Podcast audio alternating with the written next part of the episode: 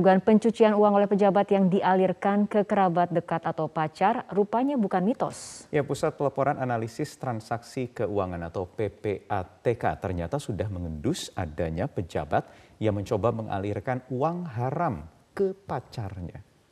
Modus pencucian uang haram oleh pejabat rupanya tak lagi disamarkan dengan wujud benda mewah seperti mobil ataupun rumah.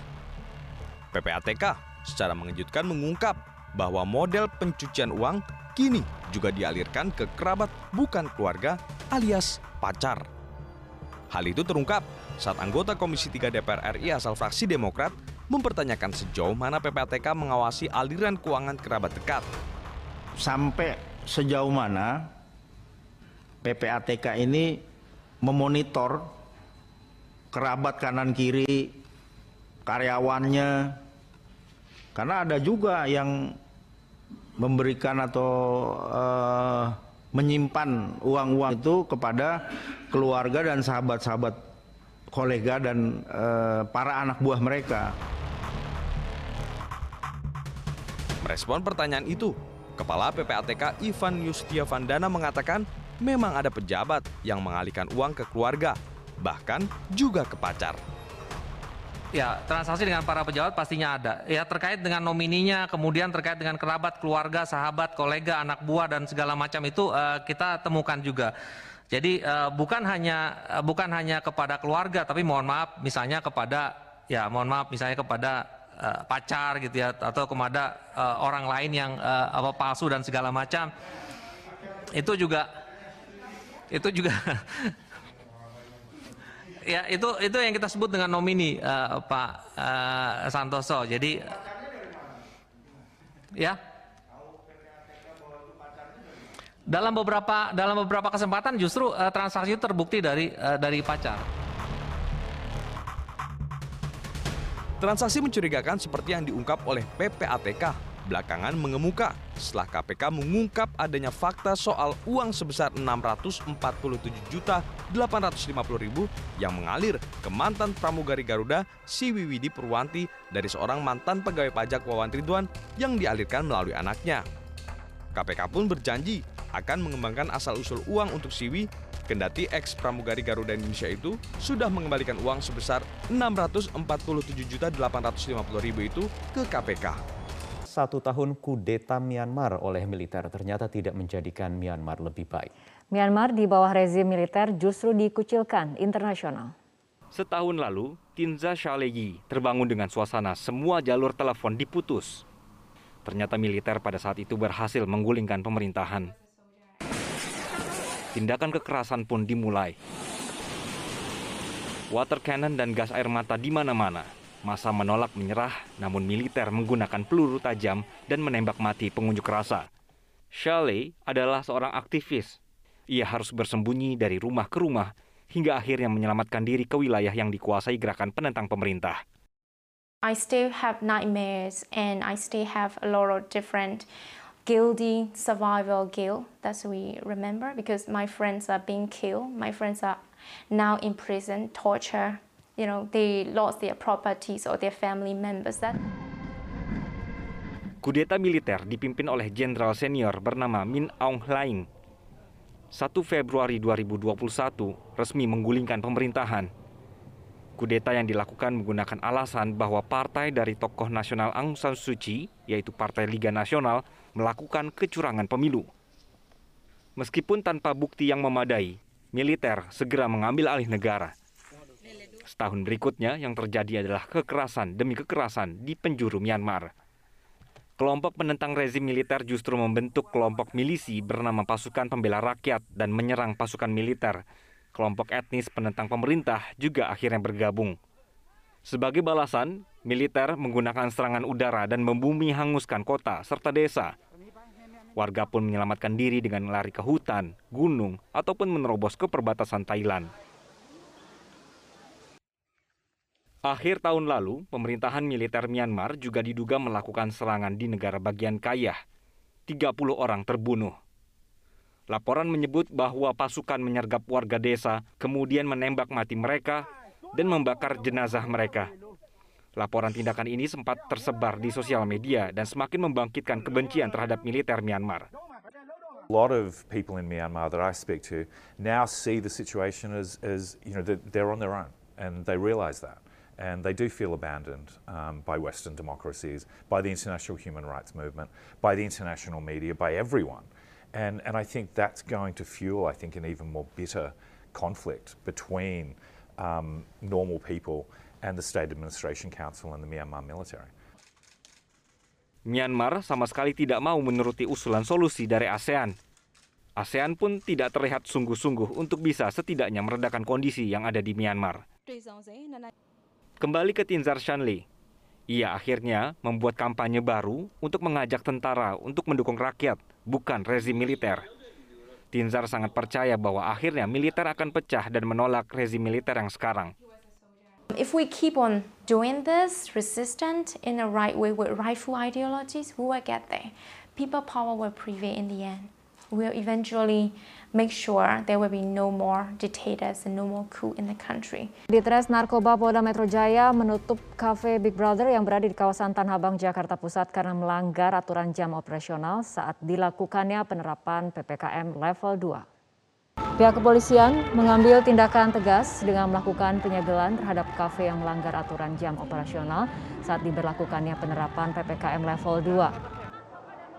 Selain melakukan penyegelan terhadap kafe tersebut, kepolisian juga melakukan tes antigen secara acak kepada para pengunjung yang kedapatan masih berada di lokasi. Penyegelan dilakukan dengan memberikan garis polisi terhadap kafe yang melanggar aturan jam operasional. Selain di lokasi Tanah Abang, kepolisian juga melakukan razia di kawasan Jakarta Selatan.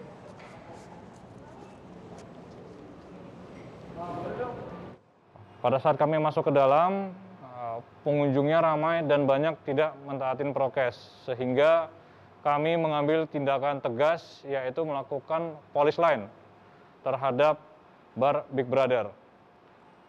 Selanjutnya, setelah dari bar Big Brother, kami mengecek ke daerah SCBD dan kami temukan di sana untuk tempat hiburan sudah sudah tutup. Viral di media sosial, sampah medis alat tes COVID-19 terlihat mengapung di perairan Selat Bali. Polresta Banyuwangi kini tengah melakukan penyelidikan atas temuan limbah ini.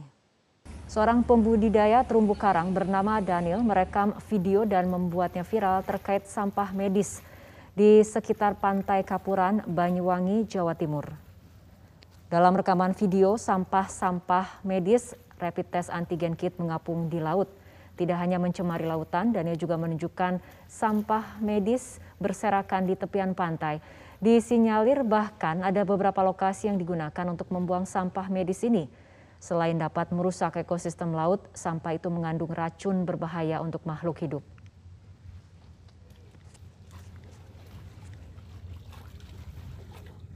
Dari Polair langsung turun tangan ke lokasi untuk melakukan penyelidikan di mana hasil penyelidikan tersebut nanti kita lakukan gelar perkara apakah dapat ditingkatkan untuk penyidikan atau tidak. Tetapi dengan dari penyelidikan ini akan kita memanggil orang-orang yang berkompeten terhadap pelaksanaan yang diduga menurut daripada berita tersebut adalah limbah.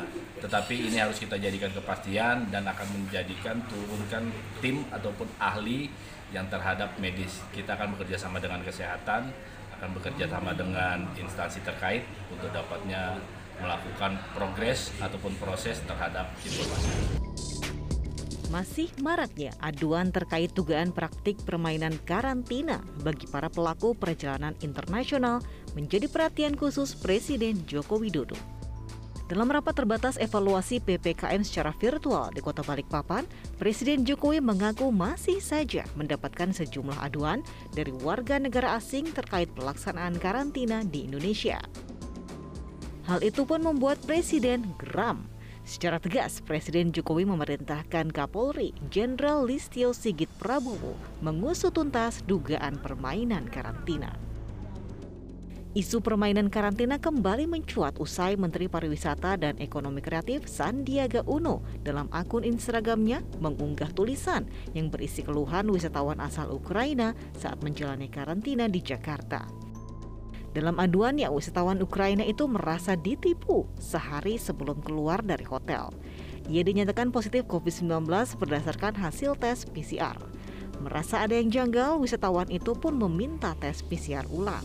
Namun diduga ditolak petugas hotel dan malah diberikan tawaran untuk perpanjangan karantina. Dalam unggahannya, Sandiaga menegaskan tidak segan untuk menindak pihak-pihak yang berlaku curang dan mencoba memanfaatkan situasi pandemi COVID-19 untuk mendapatkan keuntungan. Keluhan yang sama juga diungkapkan oleh seorang warga negara asing asal Amerika Serikat bernama Matthew Joseph Martin. Selain mengeluhkan soal kondisi kamar hotel yang tidak sesuai dengan harga yang dibayar, Matthew juga mengeluhkan hasil tes PCR yang dinilai janggal. Matthew mengaku sebelum berangkat ia melakukan tes PCR di Amerika Serikat dan hasilnya negatif. Kemudian saat tes PCR setibanya di Bandara Soekarno-Hatta, hasilnya juga negatif. Matthew dan anaknya pun menjalani karantina di sebuah hotel di Jakarta dengan biaya 16,5 juta rupiah untuk 10 hari. Dua hari terakhir karantina, Matthew kembali melakukan tes PCR, namun hasilnya dinyatakan positif COVID-19. Ia pun kembali ditawari hotel untuk melanjutkan karantinanya dengan membayar 22 juta rupiah untuk 10 hari. Selain menyasar WNA, mafia karantina juga menyasar WNI. Tentu Anda masih ingat dengan kasus selebgram Rachel Venya yang menyuap 40 juta rupiah untuk bebas dari karantina setelah melakukan perjalanan dari Amerika Serikat. Saat itu Rachel Venya dan tiga terdakwa lainnya difonis 4 bulan penjara dengan masa hukuman percobaan 8 bulan yang artinya Rachel Venya dan kawan-kawan tidak ditahan.